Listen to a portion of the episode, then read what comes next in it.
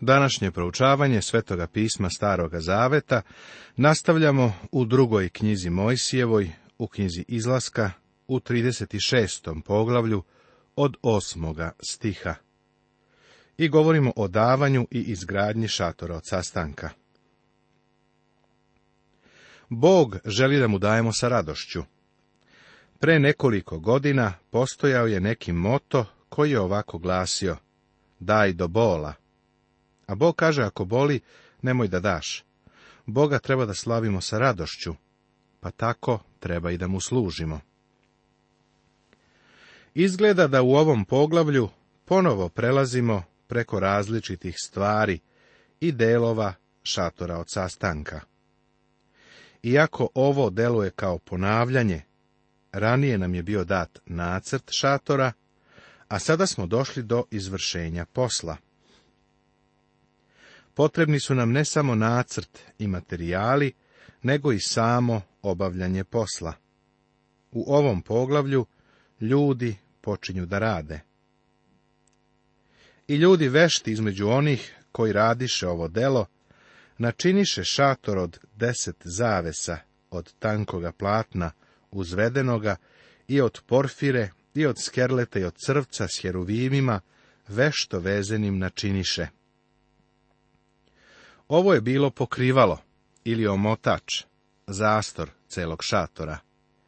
Bio je to pokrivač koji se stavljao na opremu kada su krenuli na put kroz pustinju. Bio je spoljašnja zaštita. Ovo egipatsko tanko, uzvedeno, usukano ili obavijeno platno, govori o Hristovoj pravednosti. Ono nam govori o Hristovom karakteru i delu. Govori nam o pravednosti koju On omogućava nama, da bismo njom bili odenuti, kada stanemo u Božije prisustvo. Važno je primetiti da je Hristos dovoljan da zadovolji naše potrebe. On može da nas spase. On može da nas izbavi. On može da nas sačuva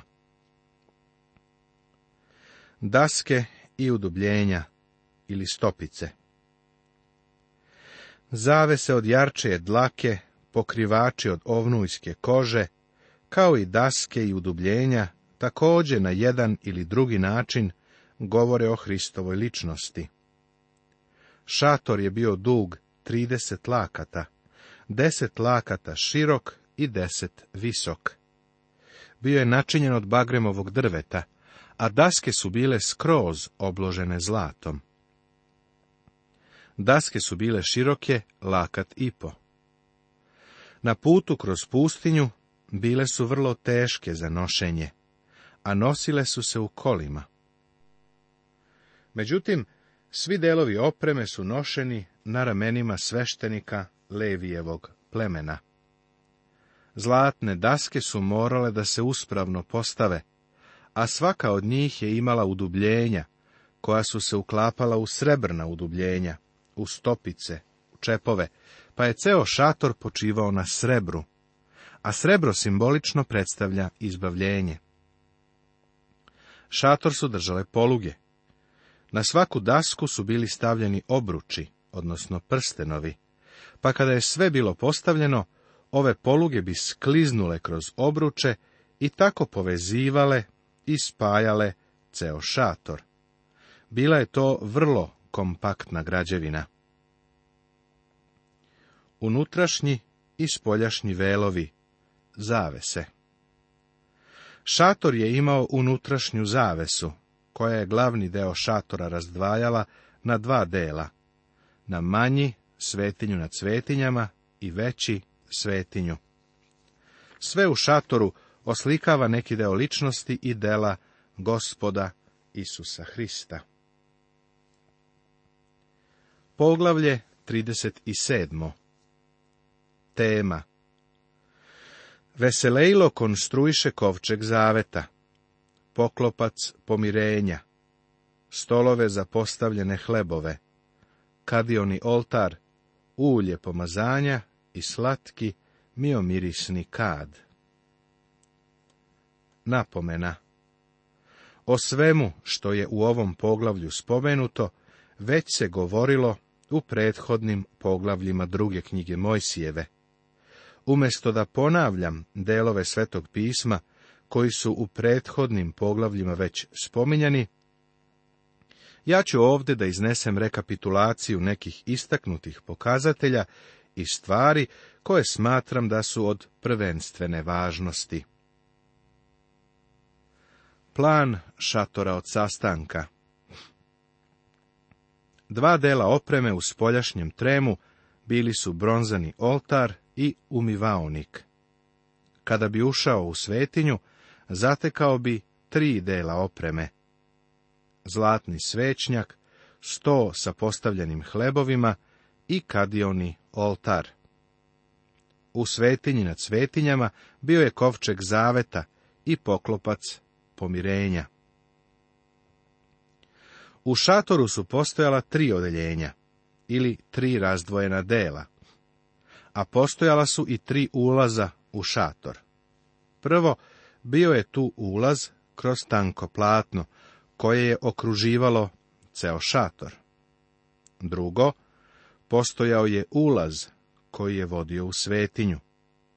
I treće, Treći ulaz je vodio u svetinju nad svetinjama, gde je ulazio samo prvo sveštenik, jednom godišnje, na veliki dan pomirenja, kao što ćemo tek videti u Levitskoj knjizi, u trećoj knjizi Mojsijevoj. I tamo prskao krv po poklopcu pomirenja, zato je to i bio poklopac pomirenja. Oprema za šator u šatoru je bilo nekoliko predmeta koji su bili tako postavljeni da su sačinjavali divan prizor. Bronzani oltar nam govori o Hristovom krstu, kod koga primamo oproštenje greha. Umivaonik govori o činjenici da Hristos očišćava i pere one koji mu pripadaju. Umivaonik je mesto na kome priznajemo naše grehe i primamo očišćenje i oproštenje. Svetinja je mesto molitve. U njoj se nalazi zlatni svećnjak, koji simbolično predstavlja Hrista, svetlost sveta.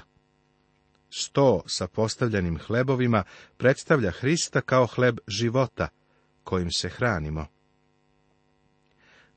i oltar je mesto molitve on nam govori o činjenici da je Hristos naš zastupnik. U poslanici jevrejima Svetoga pisma Novog Zaveta, Kadioni oltar je postavljen u svetinji nad svetinjama, umesto u svetinji, jer je naš zastupnik sada na nebu.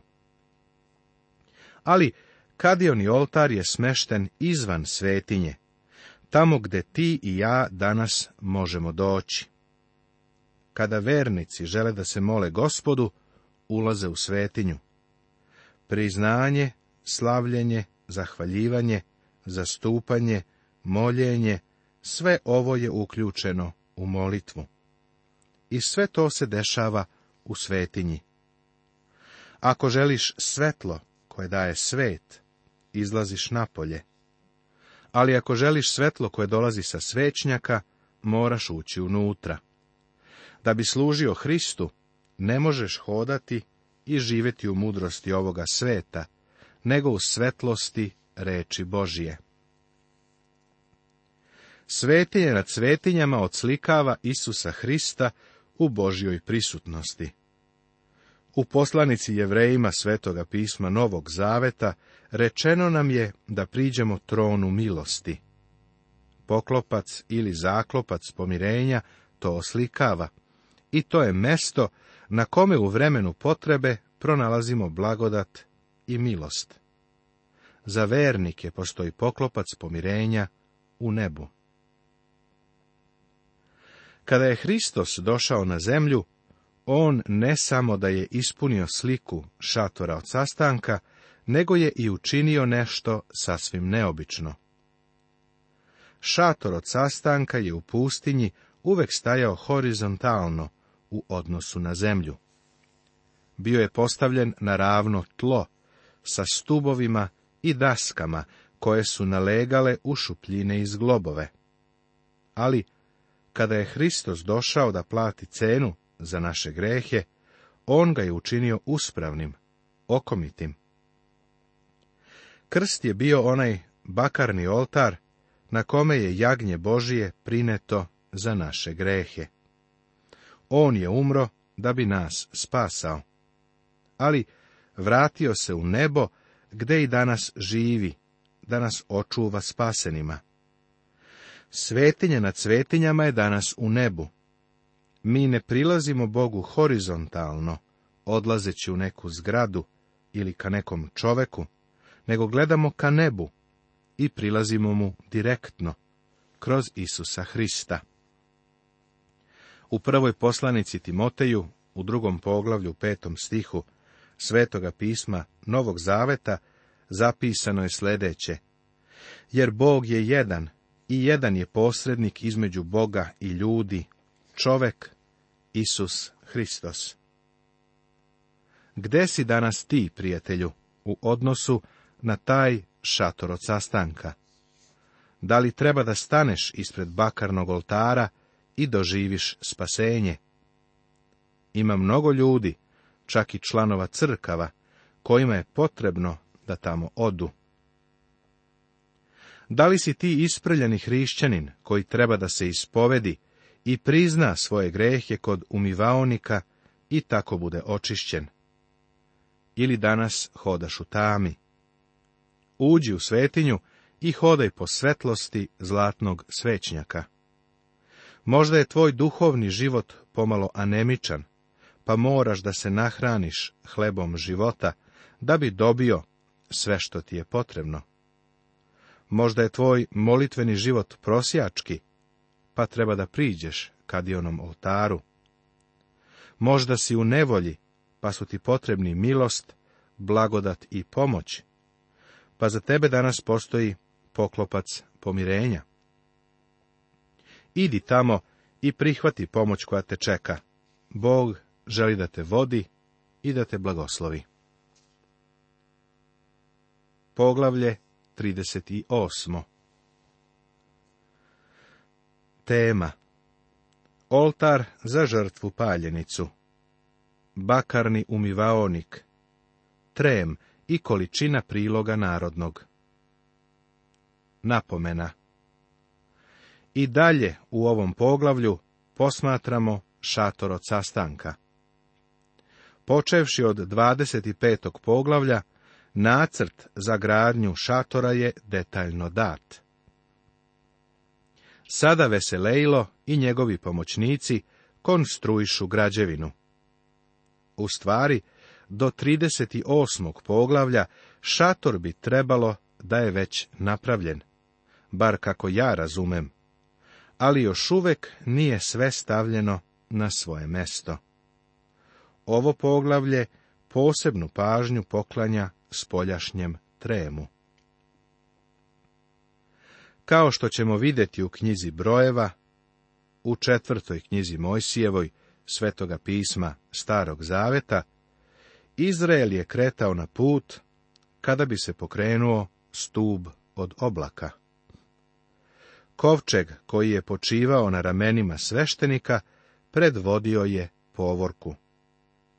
Kada bi oblak stao, Izrael je postavljao logor ili oko. Kovčeg zaveta je spuštan na pustinski pesak, a oko njega bi bio podignut šator. Zlatom optočene daske su stavljane oko toga, a poluge bi skliznule kroz obruče na daskama, pa je tako ceo šator bio povezan i spojen.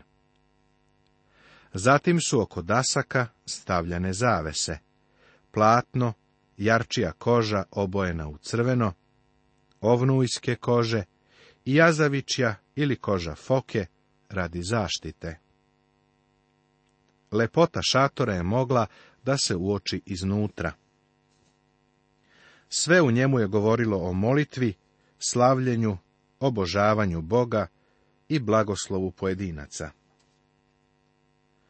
Spoljašnji trem, koji je bio ograđen platnenom ogradom, bio je dug sto lakata i širok pedeset. I u njemu je bio bronzani oltar i umivaonik. Tu se rešavalo pitanje greha. Grešnik bi došao do ulaza i tu stao kao grešnik. Sveštenik bi ga uveo u spoljašnji trem.